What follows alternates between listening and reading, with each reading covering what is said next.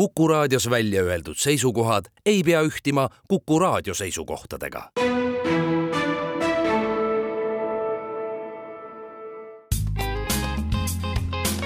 ettevõtlusminutid. saadet toetab Eesti Kaubandus-Tööstuskoda tere, head kuulajad, eetris on Ettevõtlusminutid ja me räägime täna veeteenuste olevikust ja tulevikust. mina olen Ingela Virkus ja koos minuga on stuudios Tartu veevärgi juhataja Toomas Kapp, tere! tere! milline on täna meie vee kvaliteet?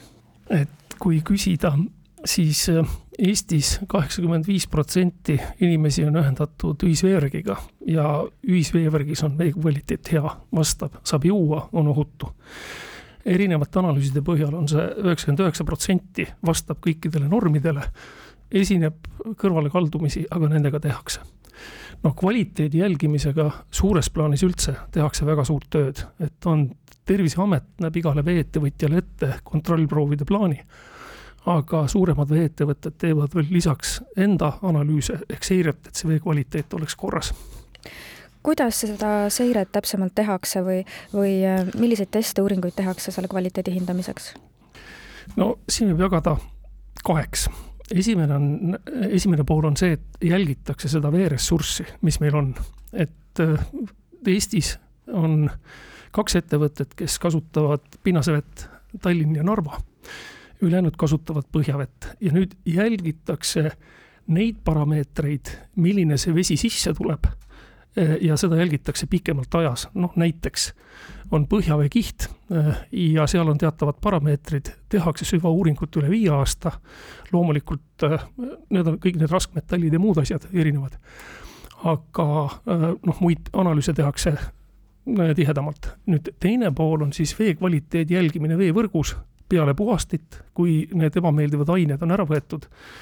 ja seda jälgitakse nende erinevate programmide alusel näiteks Tallinna Vesi eh, võtab aastas suurusjärgus kolm tuhat proovi, millest võetakse analüüse.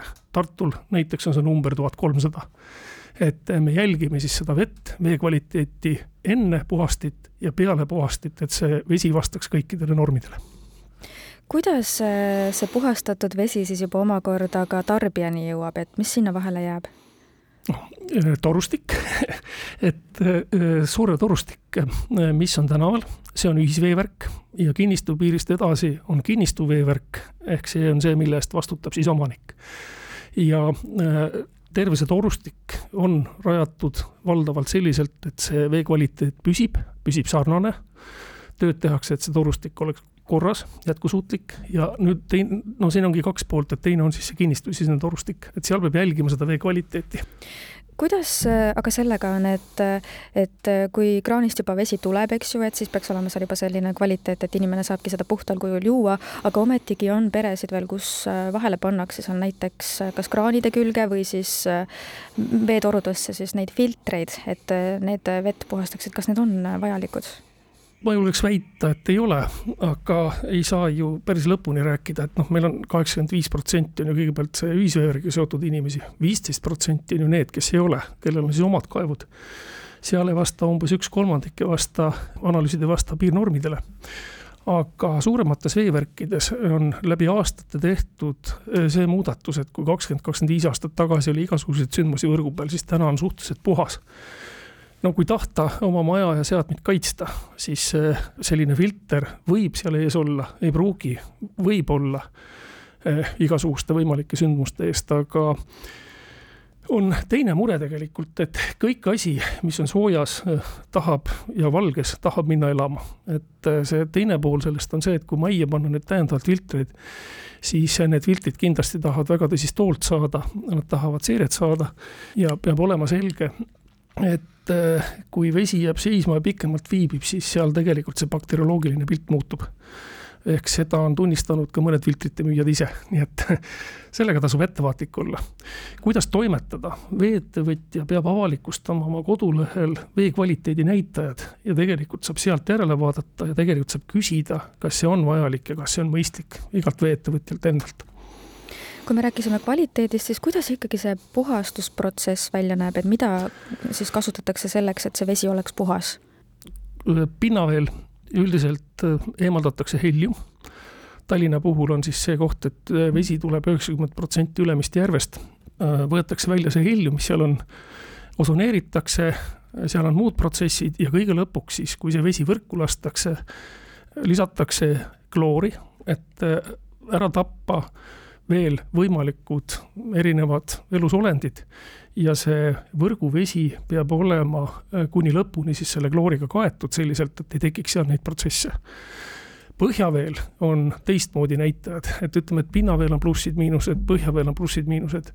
põhjavees üldjuhul on rohkem rauda, mangaani, väävelvesinikku, see tähendab seda, et kui me, me puurkaevust vett võtame, see sõltub muidugi veekihist, kus me võtame, aga seal on siis näiteks väävelvesinik ja väga paljud puhastid toimivad selle peale, et just nimelt raudteepäeval vesinikmangaan välja võtta. on lahtised filtrid, on kinnised filtrid, üldjuhul mida väiksem veevärk, siis on väiksemad filtrid kas tarbija saab ka siinkohal kuidagi midagi ära teha, et aidata kaasa selle vee puhtusele? ikka, oma võrku tuleb korras hoida, tuleb vaadata, et see vesi ikkagi selles võrgus käib piisavalt läbi, et see viibaeg pikaks ei jääks, tuleb hooldada, vaadata kraanid korras.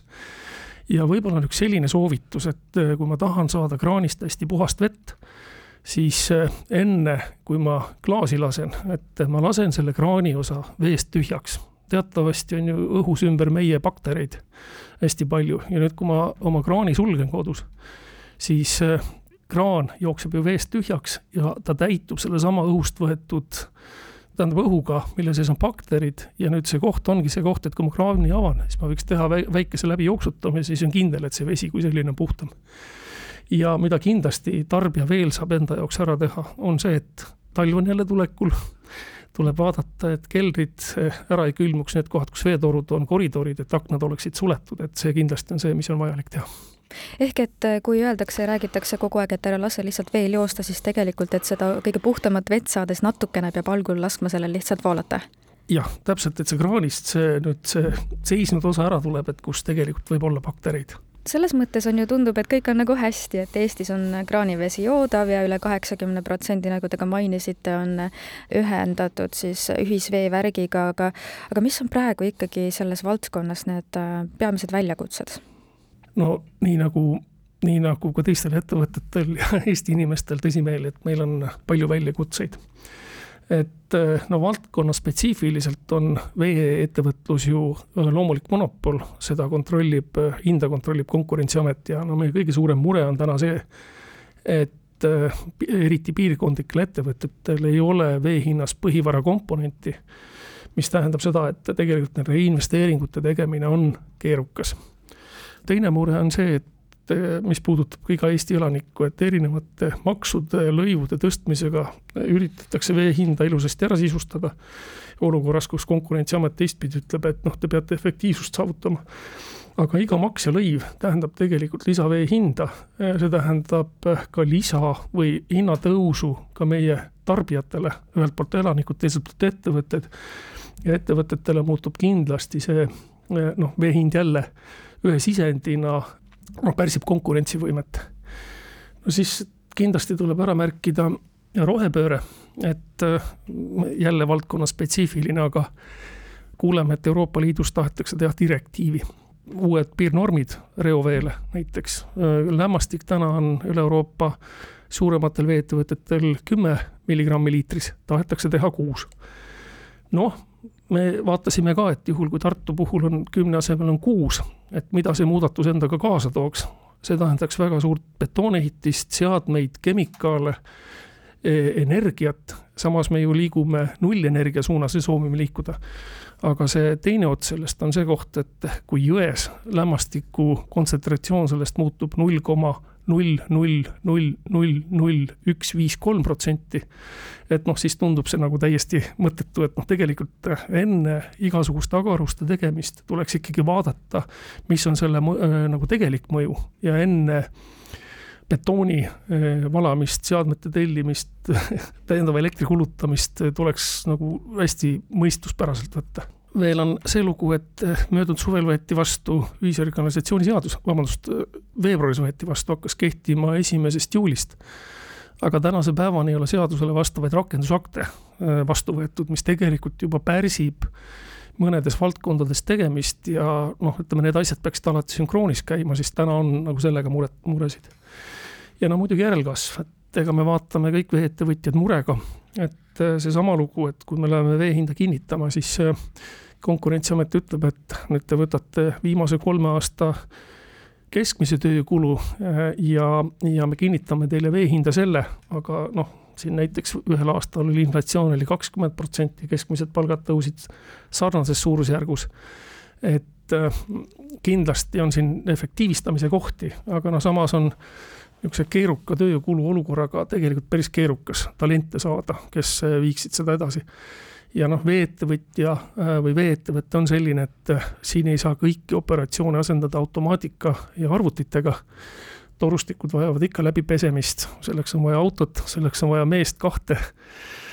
Kõik hooldustööd tahavad füüsilist läbikeeramist, nii et puhastil erinevate operatsioonide juures on vaja operaatorid, et noh, et seal ei ole, et aga need on need valdkonna spetsiifilised mured. kui te mainisite hinda, siis kuidas kõik see hinda mõjutama hakkab, et mida see tarbija jaoks tähendab või, või äkki isegi korraks äh, räägime selle üle, et kuidas üldse vee hind välja kujuneb? no vee hind kujuneb selliselt, et on olemas teatavad kululiigid, erinevad äh, riigimaksud, äh, sisendkulud, energia, kemikaalid, tööjõukulu, varuosad, tehnika, kõik selline. Ja see on igal vee-ettevõttel on ta spetsiifiline, sõltub, äh, millist põhja, millist veeressurssi kasutatakse, kui suurel alal ollakse, kui palju torumeetreid on ühe või teise inimese kohta. kas on reljeefne maastik või mitte, palju pumplaid on, sealt tekib see baashind. Ja noh, teine osa on siis, äh, on põhivahendi kulu, mis on hästi oluline, et äh, need ettevõtted, kes on investeerinud, neil on rohkem põhivahendi kulu, kes on euroabi investeerinud, neil tegelikult reguleeritavat põhivara ei ole.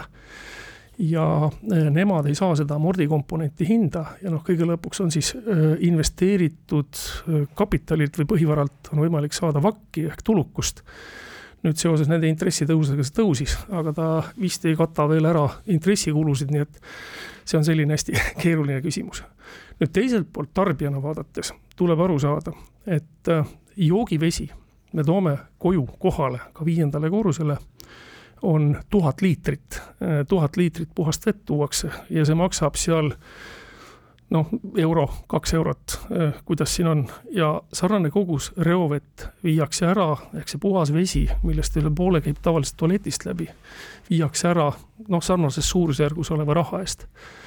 nüüd äh, erinevad organisatsioonid Euroopas, kes sellega tegelevad, ütlevad, et äh, taskukohane on see koht, kus vee hind on leibkonna sissetulekust mitte rohkem kui kaks kuni neli protsenti, noh Eestis on ta tegelikult ühe protsendi ümber. et siin seda ruumi vee hinna tõstmiseks on, aga noh, loomulikult on see koht, et see peaks minema investeeringuteks. keskmise tarbija tänane kulu näiteks Tartu näitel on suurusjärk seal viis pool, kuus eurot kuus veekulu inimese kohta et ei ole väga suur. kui te mainisite neid väljakutseid, siis kuidas need väljakutsed ja rohepöördega seonduv hakkab edaspidi näiteks siis äh, tarbija rahakotile nii-öelda mõju andma vee osas? no, no kindlasti ülespoole mm. -hmm. kindlasti ülespoole, et, et äh, sest kui nüüd norme kiristatakse, mida on vaja täita, siis äh, või ülespoole kruvitakse, siis neid tuleb täita, sest teisest otsast, kui sa neid ei täida, siis on trahvid mis Eesti puhul on muidugi maailmarekord jälle, aga ütleme niimoodi, et see on nagu see jah, suurem murekoht. no ma võin tuua sellise näite teile, et Tartu suurusel puhastil, selleks, et me ühte piirnormi võtame maha, see on fosfor, et võtame ühe pealt null koma viie peale, selleks me kulutame aastas kolmsada kolmkümmend tonni kemikaali. me oleme teinud ettepaneku, et seda peaks kaaluma, et et eh, me saaksime piirnormiga üks koma null väga hästi hakkama, nagu näiteks Leedu teeb, aga me siis ei peaks seda kemikaali panema. ja selle kemikaali mõju on ju selline, et me paneme kolmsada tonni kemikaali selleks, et saada kätte kolm tonni fosforit aastas. noh, vaat-, vaadates, et pealpool Tartut, allpool Tartut on põllumehed ikka väetist kasutavad ja natuke leostub jõkke, siis see tegelikult on selline noh, mis nagu kontsentratsiooni kui sellist iga ees ei muuda aga kui me selle kemikaali jätaks panemata, siis meil ei ole vaja seda tuua, meil ei ole vaja vedada, see komponent ei läheks vee hinda ja me kindlasti hoiaks sellega loodust täistsüklina palju rohkem kokku. et äh, kindlasti on selliseid kohti, et midagi tegemata jättes tõenäoliselt me hoiame loodust palju, palju paremini aitäh teile saatesse tulemast, Tartu veevärgi juhataja Toomas Kapp ja palju jõudu ja jaksu teile! aitäh! Ettevõtlusminutid. saadet toetab Eesti Kaubandus-Tööstuskoda